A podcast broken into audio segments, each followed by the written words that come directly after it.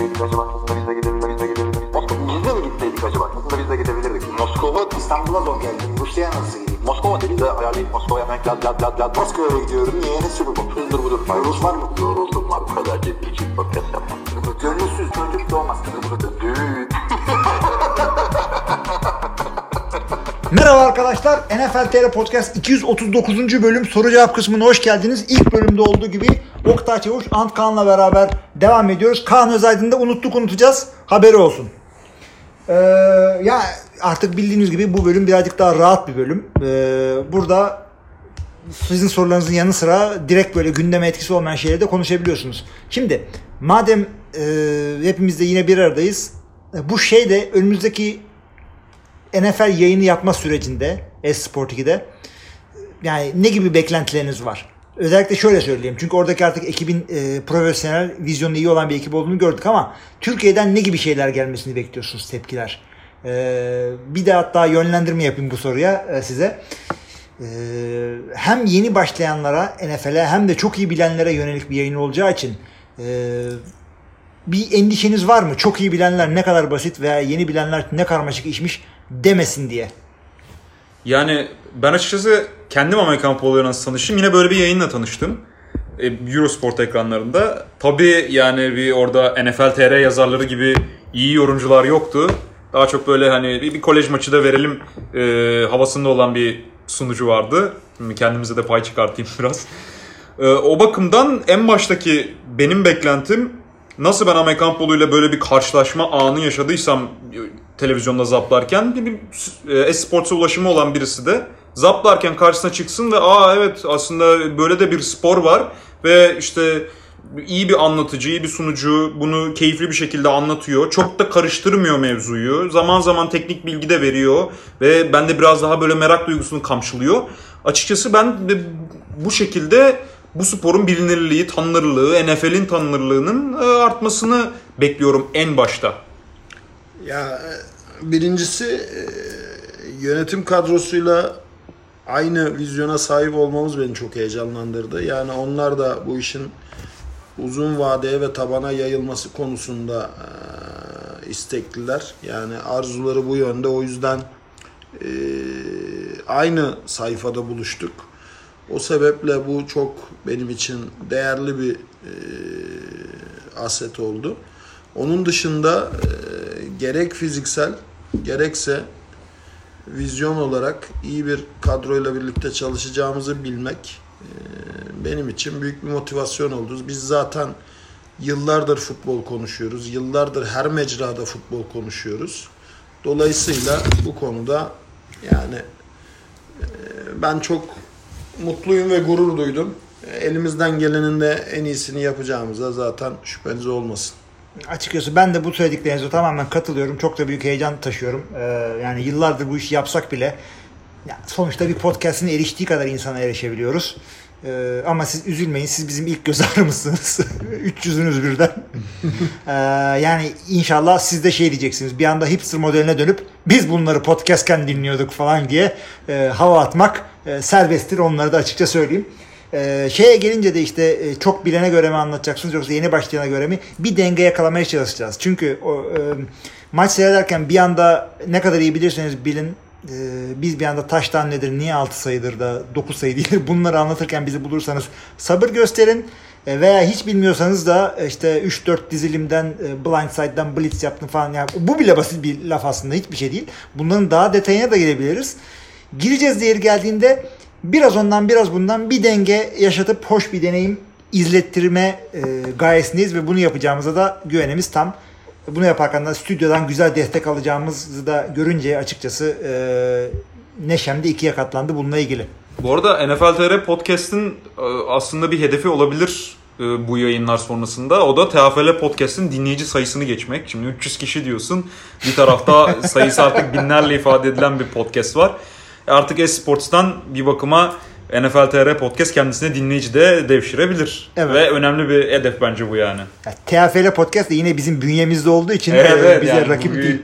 Tatlı bir rekabet var diyelim. Ama arada. işte e, tavşanla e, kaplumbağanın şey gibi TFL e, Hızlı koşuyor ama bizimkisi kadar süreklilik yapmıyor. Çünkü lig süreklilik yapmıyor. Başlıyor bitiyor. Bilgi gelmiyor. internette şey yok. NFL hakkında her zaman konuşuruz. Açtın mıydı maçı da görüyorsun. Bilgileri de görüyorsun. Ee, gelelim sizden gelen sorulara bu hafta. İlk sorumuz podcast'in internetteki sayfası altında Şevket'ten geliyor. Şevket'in sorusu şu şekilde. Selamlar. Fournette, e, Fournette'in de Bucks'a katılmasıyla Bucks kağıt üzerine çok iyi bir hücum takımı oldu. Peki sizce bu takım 2011 Eagles ve 2019 Browns gibi patlayabilir mi? Yani Bucks'ta bu kadar fazla hücum silahının olması oyuncuları stat olarak ne kadar etkiler? Bucks oyuncularını almaktan çekinmeli miyiz? Almaktan derken tabii ki de nişanlamak değil de fantasy takımlarını almak üzerine konuşuyor. Ya yani kağıt üzerinde haklısın ancak e, Fournette'in bir kere e, bu adamlar arasında sıyrılıp da Laşan McCoy'dan şunların bunların arasında sıyrılıp da starter olacağının bir kere garantisi yok. Jacksonville gibi e, nispeten skill position'lar fakir olan bir takımdan e, neredeyse apar topar, neredeyse apar topar kovalanan bir adamın e, belki ligin en flash takımı Tampa Bay Buccaneers'da zart diye starter olacağının garantisi yok. Bunu öncelikle ben söyleyeyim. 2011 Eagles ve 2019 Browns içinde açıkçası nedir bu Şevket'in dediği derseniz sevgili dinleyiciler. 2011 Eagles Dream Team olarak gelmişti. Bir anda çeşitli skill pozisyonlarda önemli adamlar. Defansta da Michael Vick'ler, Vince Young'lar bir araya gelip Chip Kelly, Chip Kelly mi tam hatırlamıyorum. Bir Dream Team denemeleri fast, olmuştu. Pace offense. Aynen. E, ellerde patlamıştı o. 2019 Browns da o kadar e, Dream Team gibi değildi de işte Odell Beckham'ın gazıyla Jarvis Landry'i almışlardı tam bir patlama olmadı ama beklentilere oranla patlama oldu denebilir. Jarvis Landry'nin gazıyla Odell Evet. Beckham'ı almışlardı da onları besleyecek QB'yi doğru alamamışlardı ne yazık ki. Yani- Ya şöyle sen bitirdin mi bu arada lafını? Ya ben de yok. seni. Yok yok ben şunu söyleyecektim. Ee, Tampa Bay bunlar gibi e, altı boş bir takım mı? Yoksa QB'leri olsun, koçları olsun bunların kariyeri ve liderlikleri bu belirsiz zamanlarda nispeten yeni kurulmuş bir takımın altını doldurabilir mi? Yani burada 2011 Eagles'la 2019 Browns'ın neden patladığına bakacak olursak yani gerekçeleri farklı. Birincisi 2019 Browns'ın en büyük eksiği QB'si Denyo'ydu. Halen de yok. Hala Denyo ama en azından e, biraz dayak yediği için geçen sene biraz daha e, uslanmıştır diye düşünüyorum. E, 2020 Bucks'ın sıkıntısı ise fazla veteran olmaya başladı artık. Yani emeklilikten dönenler, uzatmaları oynayanlar vesaire. Ya burada ben e, sana şunu söyleyeyim. Zaten Tom Brady belli bir yaşa gelmiş. Bu adamın iki senelik bir penceresi ya var ya yok. E, burada bile bu kadar veterana yüklenmek, bu pencereye yüklenmek e, ne kadar riskli sayılabilir ki? Ya kaldı ki e, Tom Brady'nin gazıyla da çok ucuza aldılar o veteranları. Yani Aynen. LaShawn McCoy'la Fournette aldığın parayı millet 3. running back'ini ancak alabiliyor. İşte e, aynı şekilde Gronkowski şeyde Patriots'ta aldığı paraların çok çok azına geldi. Yani şu an bir hype oluştu ve insanlar o hype'ı kovalıyor Tom Brady etrafında.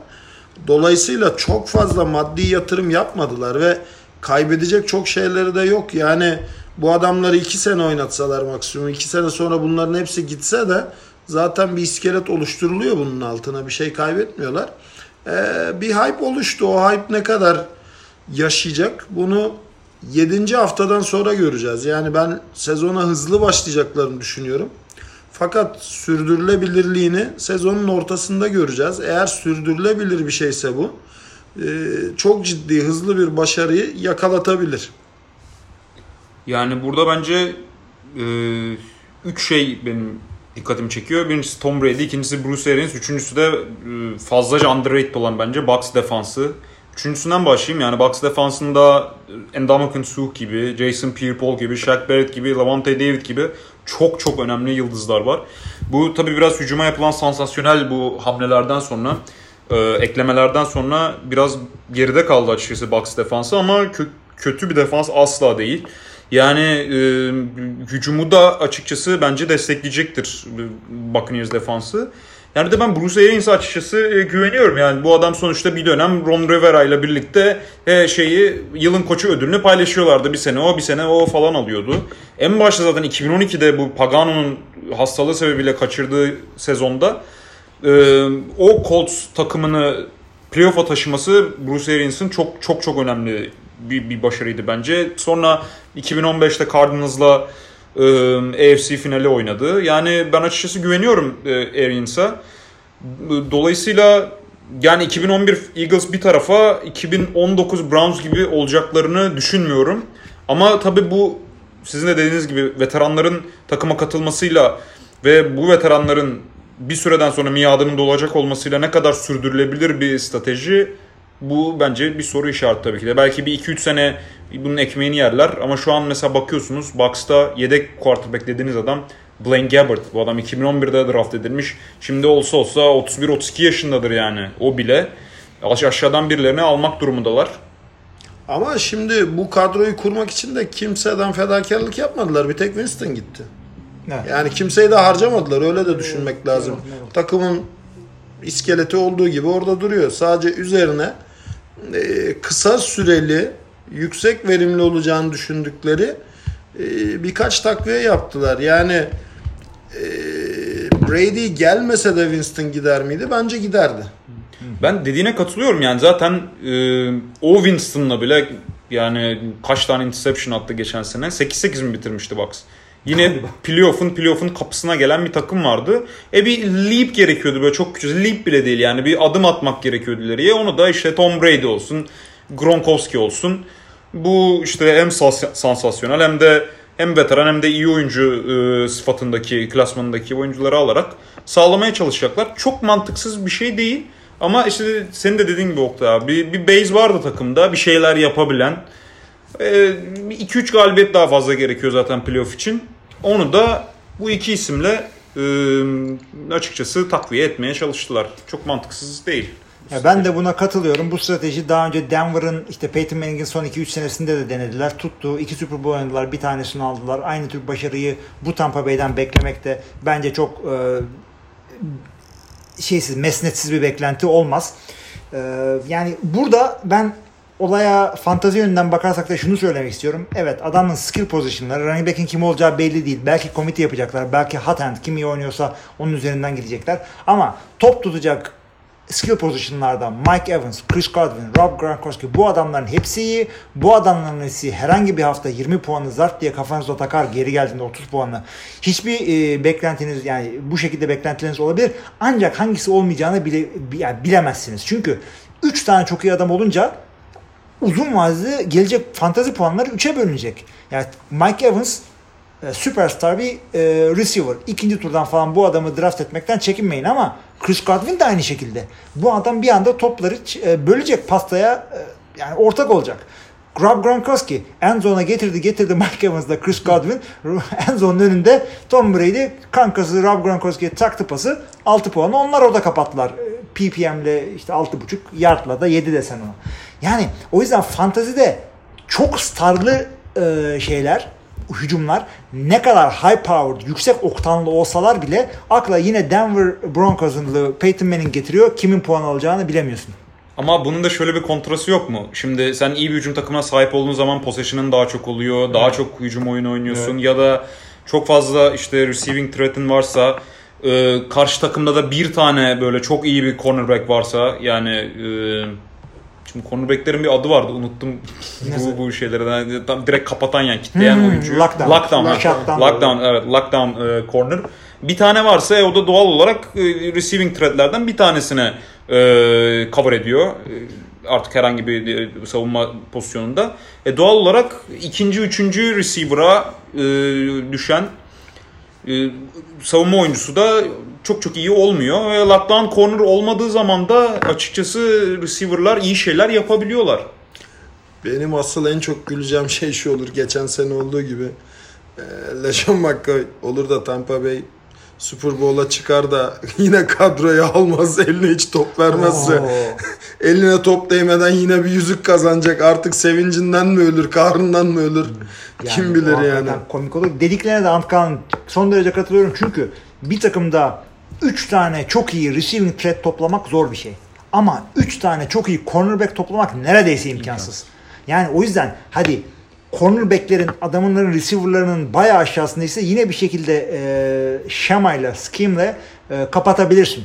işte double team yaparsın, safety help'i arttırırsın. Bu sefer de üstünden geçerler. Her şeyin bir çözümü var ama e, pantolonu yukarı çekiyorsun, gömlek açıkta kalıyor bu sefer. Yani e, illa bir yerden seni şey yaparlar. NFL'in en iyi pas hücumu olsa bile o pas hücumunu kapatırsın. Ama öyle bir şeyle kapatmak zorunda kalırsın ki bu sefer üzerinden Tom Brady bile yürüyerek geçer. Yani her şeyin bir e, karşıt oyunu var, kontrası var. Ya ben defans mentalitesiyle koç olarak baktığımda zaten 3 tane iyi receiver'ı 3 tane iyi cornerback'le kapatmaya çalışmam.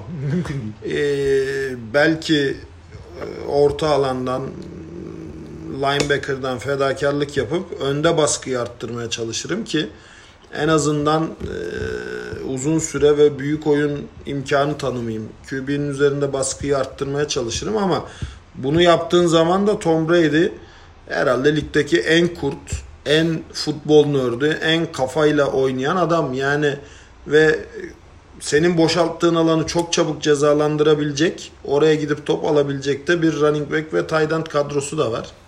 Yani sahayı uzunlamasına kapatsan e, slotlara ve tight endlere gün doğuyor. Herkesle e, kendi cephesinde savaşsan sahayı çok iyi stretch edebilecek iki tane deep threat var. E, bütün bu orta alanla e, uzun alanı kapatsan laterallere gidebilecek çok iyi running backler var. Yani eğer herkes e, sağlıklı ve randımanlı oynarsa durdurulması çok zor bir hücum oluşturacak bu sene Arians. Ya zaten Kansas City'nin de başarılı olmasının sebeplerinden bir tanesi de bu. Yeteri kadar e, playmaker'ın olursa hücumda e, yani bir şekilde bir yerden yolu rakibi esnetmenin yolunu buluyorsun. Senin de dediğin gibi horizontal yatay esnetirsin, dikey esnetirsin. Yani savunma olsam Tampa Bay savunmasını durdurmak için ne yaparsın? Açıkçası pas hücumunu durduramıyorsan ya senin dediğin gibi linebacker'dan e, şey yapıp bir şekilde baskı kurmaya çalışırsın ve fakat Tom Brady yavaş denmesine bakmadan en iyi cep içinde çok iyi oynayan bir adam. Pocket presence çok iyi. E, cep içinde poisu güzel Türkçemiz. Cep içindeki güvenli duruşu hakikaten e, çok iyi şey yapabilirsin işte e, ilginç bir şekilde linebacker geri düşüren e, savunmanın adı Tampa 2 defense olarak geçiyor. Tampa Bay adıyla zamanında e, şey yapmıştı. Tony Dungy'nin yaptığı sistem. Tony Dungy'nin John Gruden'ın da üzerine çöktüğü sistem. Üzerine çöktüğü sistem. Bunu, bunu da en iyi yapan linebackerlardan biri Brian Urlacher'dı. Ortaya düşüp çok interception'ı pas, pas kesmesi vardı. Onu yaparsın. Bu sefer de işte e, ön 7'lin ön 6'ya düşer durduramazsın. Leonard Fournette şu haliyle bile 6 kişinin üzerinden geri geri koşar. Yani iki ucu e, pis bir değnekten bahsediyoruz. Fanteziye gelince bu adamları almaktan ya alın bunlar süperstar adamlar yani. Mike Evans, Chris Godwin dediğin adamlar ikinci tur adamları. 3'ten 4'ten de Gronkowski'yi kapatabilirsiniz. Ama top paylaştıkları için hangisinin hangi hafta kaç puan getireceğini garanti edemiyoruz. O yüzden böbreğinizi satıp fantezide bu adamlara basmayın ee, diyoruz. Şimdi arkadaşlar gelelim e, e-mail ile bize ulaşımdan gelen sorularımız var. Bunlara gerçi bu sene bu sene diyorum bu, hafta ilk bölümümüzde bayağı değindik. E, birinci sorumuz şu şekilde geldi. Leonard Fournette ile ilgili. Leonard Fournette Chiefs'e gidebilir mi diye soruyor Talha Akbulut. Ee, işte Chiefs, Mahomes, Kelsey gibi onlara yüksek kontratlar verdi. Fournette eğer giderse salary durumu ne olur Chiefs için? Bu soru sorulduktan sonra e, Fournette'in Bucks'a gittiği ortaya çıktı. Bucks derken yani kutu değil yani. Tampa Bay Buccaneers'a Bucks'la diyoruz biz kendi aramızda. Ee, o yüzden bu soru biraz boşa düştü ama şunu söyleyeyim. Hala gidebilir. gider gider belli olmaz. Senenin bu zamanı Kansas. Evet iyidir. Serindir. Ee, yani yaylı havası. Bir yerden sonra bu tip running backler ilk sözleşmesinden sonra ikinci de parayı kıramazlarsa, çaylak sözleşmesinden sonra ikinci sözleşmesinde parayı kıramazlarsa bir senelik bilemedin iki senelik paralı askere dönüyorlar. Burada çok iyi bir işler yapıp da e, Tampa Bay'in olası Super Bowl yürüyüşünde bir imzası olursa Leonard Fournette'in yani hala genç. Ciddi bir kontrat alır aynen. Yani o yüzden her yere gidebilir. Ama şu anda Tampa Bay'e şey olarak salary cap olarak e, şey yok. Bir büyük bir sıkıntısı yok. Çünkü kendini gösterme, iyi bir takıma geleyim, kendini göstereyim diye bir e, şey yaparsan, e, sözleşme imzalarsan para almayı bırak. YouTube'da reklam olsun diye programa çıkıp üstünde para veren doktorlara dönersin. Ya ben burada Fournette'in kontratını tamamen Andy Dalton'ın kontratına benzetiyorum. Yani hem boşta kalmayayım, yüksek hedefleri olan iyi bir takımın kadrosuna kapağı atayım. Çünkü senin dediğin gibi starter olacağını ya da komitenin bir, bir numaralı adamı olacağı hakkında en ufak bir garanti aldığını düşünmüyorum. Orada tamam biraz yaşlı da olsa şey diye var. Ee, e, Ronald Jones'a güvendikleri için Rojo'ya da yatırım yapmışlardı. O da orada çok solid bir running back olarak gözüküyordu.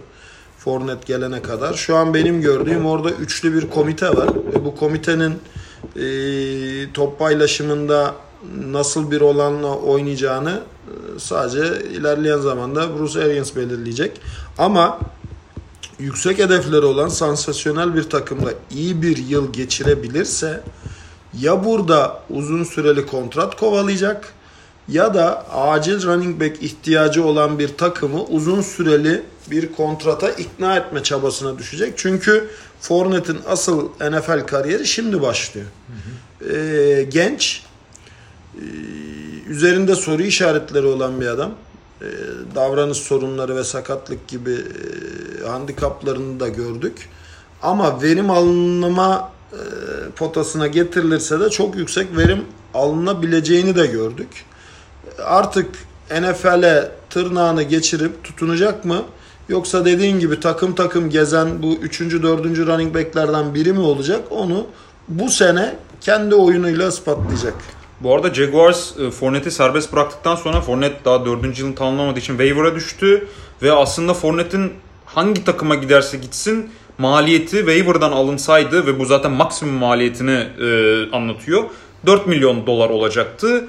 E, e, Bucks bekledi, waiver'dan almadı. Sonra bir 500 bin dolar kar ederek 3,5 milyon dolara Fournette aldı. Yani Chiefs'e de gitse aslında çok büyük bir capit olmayacaktı. Ama Chiefs e, ciddi bir yatırım yaptı running back'e. Yani birinci turdan çok sansasyonel Evet bir evet yani aldı. o yok yok işin futbol tarafından ziyade biraz da maliyet tarafı da aslında e, koymayacak. Onu ondan atmaya çalışıyordum. Kaldı ki maliyet olarak Chiefs'in özellikle yıldız transferlerine harcadığı Evet. Yani mümkün değil abi. Bitti para. Chiefs bu saatten sonra artık şey e, üstüne para vermek lazım Chiefs'te oynamak için. Ama hakikaten de bir running back'in parlaması için en iyi bulunacağı yerlerden e, iki tane takım Chiefs ve Bucks şu anda. E, bir sonraki sorumuza geçiyorum o zaman. E, sorumuz e, Baran'dan geliyor. Soyadını tam söylemiş. Karan galiba evet. E, sorusu şu. Geçen hafta podcast'te futbolcular 3 yıl oynadıktan sonra emekli olabilir diyordunuz. Bu emeklilik nasıl oluyor? Yani futbolu bırakırlarsa bir sağlık sigortası falan mı alır, alıyorlar? Teşekkürler diyor. E, orada Oktay söyledi onu. Son derece de haklıydı. Şimdi şunu demek istedi. Biz emekli yani emekli bir maç oynamadığın da olursun. O senin bileceğin iş. Çok bir emek vermeden emekli olabilirsin. 20 maç oyn- 20 sene oynadıktan sonra da olabilirsin. Demek istediğimiz bizim şurdu. 3 sene ki bu 4 seneydi bu söyleyeceğim şey. 3 seneye indi geçtiğimiz yıllarda. 3 sene herhangi bir takımın aktif kadrosunda bulunursanız veya injured reserve'de sakat listesinde geçirirseniz 3 seneyi, full 3 seneyi o zaman vested yani Türkçe'de bir karşılığı var mı bilmiyorum ama e, tam bir e, vested 3 yıl geçirirseniz e, emekli olduğunuz zaman NFL size senelik 46 bin dolarlık bir emekli maaşı veriyor. Ki O parayı Ee, kim geçinsin abi? Abi geçinmek için hakikaten şimdi Türk lirasına çevirip de ooo demeyin. Amerika'da hakikaten yaşanacak bir para değil. Zaten bunun üstünden maaşlar falan veriliyor. Bunlar şeyler, vergiler falan veriliyor, bilmem ne veriliyor ve daha yüksek e, paralara alışmış bir e, yaşam tarzından geliyorsunuz. O 3 sene içerisinde muhtemelen e, hayat boyu size e, yandaş olacak sakatlıklar edinmiş oluyorsunuz. E, 46 bin dolar hakikaten hiçbir şey değil. Yani sokaklarda sürünmeyin parası. Başka bir şey değil. Tabii Onu tabii tamam, tamamen homeless olma. En azından küçük de olsa derme çatma da olsa bir evin olsun karnını da doyurabilir parası. Bu arada bir, bir sıkıntı var. Yani şimdi signing bonusu alıyorsun. Eğer o signing bonusun kapsadığı süre bitmeden kontratını terk edersen ve işte emekliye ayrılırsan öyle herkes Colts'una Andrew Luck'a yaptığı gibi şey e, müsamahakar olmuyor. Barry Sanders bunun için neredeyse lige geri dönecekti yani. Lions'la kanlı bıçaklı oldu, davalık oldular. Velev ki sen işte o signing bonusla bir de bir ev, araba almış ol. Parayı geri ödemek zorunda kalırsın dördüncü sene, seneye düşen o proration'ın signing bonusun. E böylece 46 bin dolar alacağım derken bir de bir 500 bin dolar takıma borçlu çıkmış olursun yani. Evet öyle bir ihtimaller de var hakikaten. Ee, yani o yüzden şey NFL'de oynayacağım diyorsanız e, öncelikle e, medanınızı güncelleyip öyle oynayın. Çünkü yeni güncellemeleri kaçırmayın. e, ikincisi de 3 seneyi tamamlamaya çalışın bir şekilde. E, şey gibi e, işte 10 yılımı veya 20 yılımı tamamlayın diye, diyen Amerikan polis filmlerinde emekli olacağı gün böyle vururlar ya. Onun gibi olabilirsiniz. Ya bizdeki karşılığı da eskilerin bir lafı vardır. West'in e, emekli yelekli derler. Eskiler, büyük anneler, büyük babalar. Belki onunla alakalı bir şeyi vardır. Evet, Bilmiyorum. West. Öyle bir laf var yani emekli yelekli diye. Olabilir çünkü aynı kelime anlamında Evet, sıktan gidiyor. Onu bir çalışmamız gerekiyor. Sormayın çünkü. Ee, bir sorumuz daha var. Can Ünal'dan geliyor. Whatsapp'tan geliyor soru. Soru ve kutlama şöyle söylüyor. Onu da sona bırakmış olalım madem. Öncelikle yeni yayın- yayın döneminizin hayırlı olmasını diliyorum.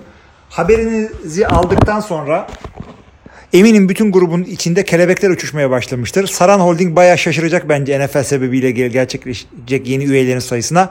Yeni üye olanlar mutlaka sorsunlar ilk olarak hangi sporu izlemek için üye olursunuz diye.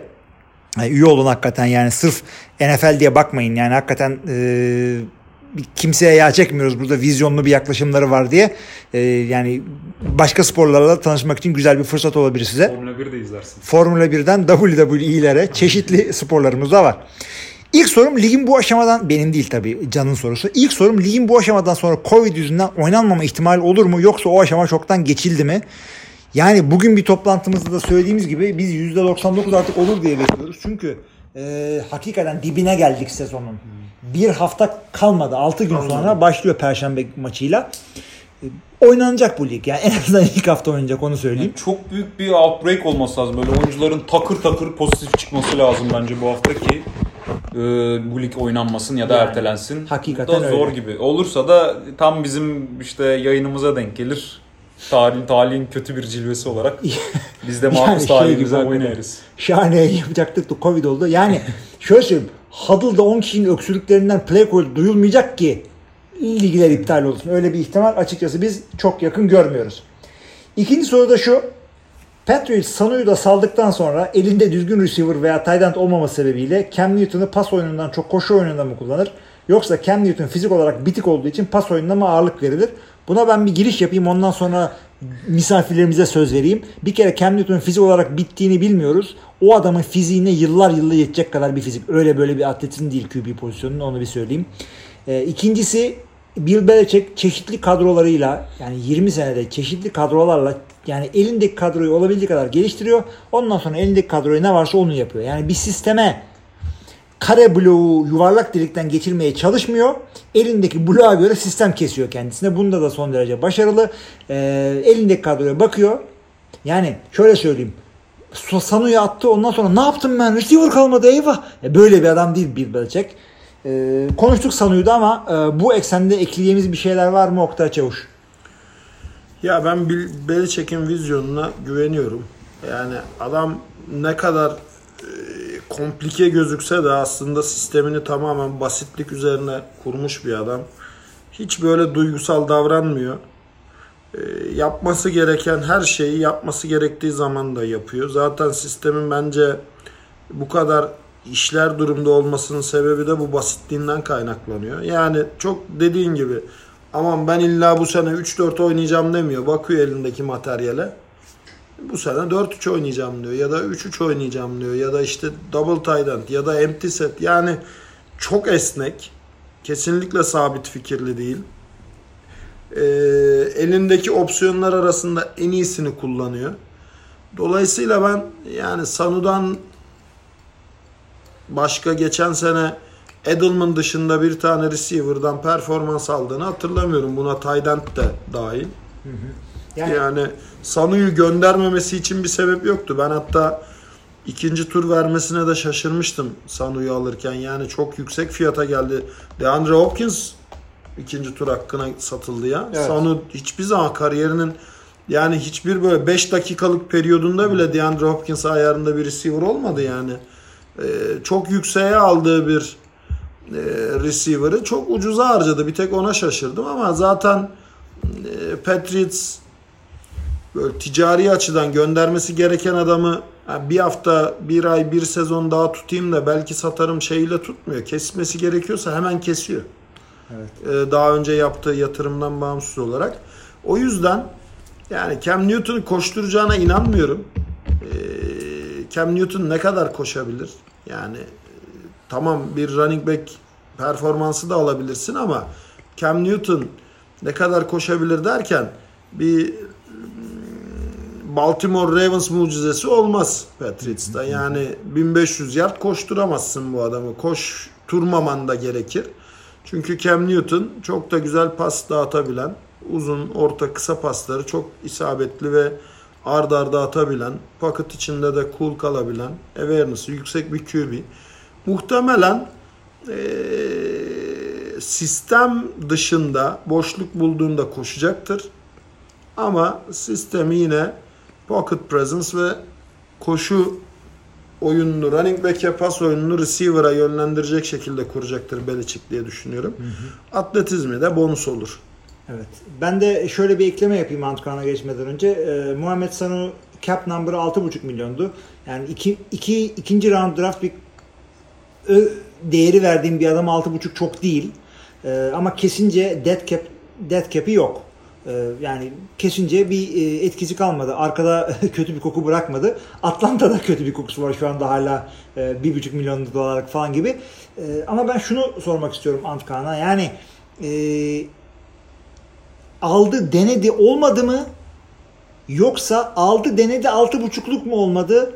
Sen geçen sene e, Muhammed Sanu'nun performansı yani kendisine ya şöyle söyleyeyim.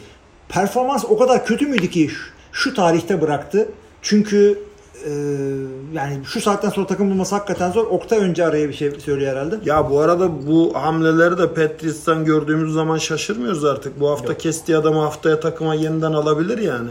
3 hafta sonra tekrar da kesebilir. Yani e, hiçbir oyuncusuyla kötü ayrılmıyor. Hiçbir oyuncusunu da e, baş tacı etmiyor. Böyle bir takım yani yarın öbür gün Sanu'yu tekrar Patriots'ta görürsek ben şaşırmam. Bence Sanu bekleneni veremedi geçen sene. Yani ko- kontratı da kontratının da karşılığını oynayamadı.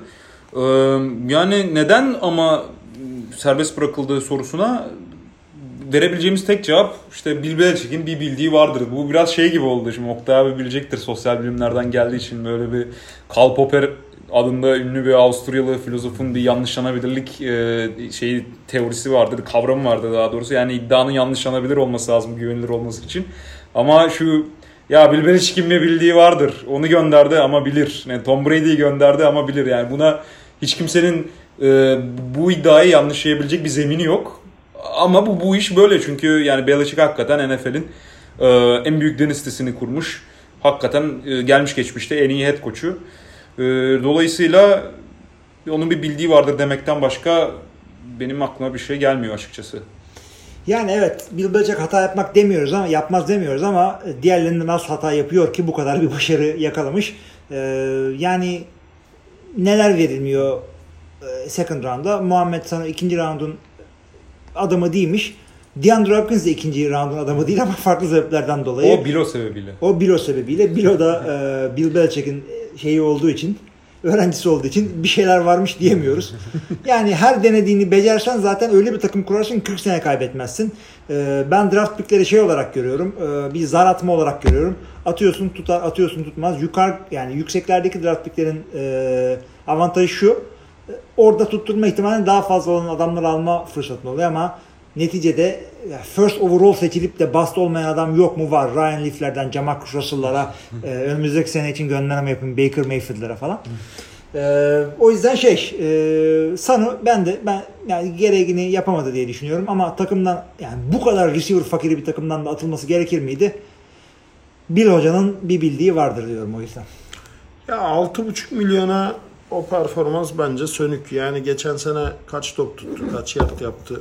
Hiçbir şey. Hiçbir üç şey yüz yapmadı. Yani 6,5 milyon değil de yarım milyon verdiğin receiver'dan bile o performansı alabiliyorsun yani. Evet. Muhammed Sanu'yu da böyle yaptıktan sonra sevgili arkadaşlar e, buradan bir de e, podcastimizin ve sitemizin kurucusu Kaan'a birer mesaj gönderelim madem. E, Kaan iki hafta oldu. Seni artık e, aramızda görmek istiyoruz. Çünkü e, biraz daha şey yaparsan e, misafirlerimize fazla alışacak dinleyicilerimiz. Ondan sonra gelmeye de gerek kalmayacağız. Şey falan diyeceğiz sana telefona. Ya sen işine bak ya. Biz... Aslında bir de şöyle bir şey de var. Kaan gittiğinden beri her şey çok da güzel gidiyor. Erol Taş gibi de gülelim böyle. Aha Clinton. Adam gitti NFL'in NFL TR'nin ya talihi açıldı. ya. Açıldı. hakikaten. Aksine de bütün sorunları kendiyle beraber götürdü kanala. Hakikaten yani. Başına gelmeyen kalmadı orada. Yani bu şeyleri de açıkçası onu da söyleyelim. Yani bu NFL yayınlarını yapmamızda da gerekli bağlantıları kullanan NFL TR'nin ismini yapan e, en önemli isimlerden biri Kaan Özaydın. E, olur da yani e, Kanada kapattık arkadaşım böyle bir ülke yok artık feshettik derse de geri dönerse Kaan e, o da ekran karşısında kendisini görebilirsiniz. E, başka bir şey yoksa bölümü kapatalım diyorum arkadaşlar. Şimdi Ee, son derece keyifli bir günde çok güzel bir podcast çektik. Çok uzun zamandır da e, iki kişinin üstüne çıkmıyorduk. O da çok güzel oldu. Görkem de eğer e, acil ofise dönmesi gerekmeseydi bizimle olacaktı. Dört kişi podcast yapacaktık ve şu an yan yana çekiyoruz. O da çok keyifli bir ortam. Bence arada bir böyle kalabalık ve aynı lokasyonda podcast yapalım. Değişiklik iyidir ya. Evet yani özellikle yakın zamanda e, bol bol İstanbul'da buluşacağız gibi gözüküyor. Ondan da faydalanabiliriz. Arkadaşlar zaten yayınlarımızın ne şekilde olacağını anlatmıştık ilk bölümde de. Kaçırdıysanız sıkıntı değil. Podcast'in güzel tarafı geri dönüp bir daha izleyebiliyorsanız tekrardan söylemek zorunda değiliz.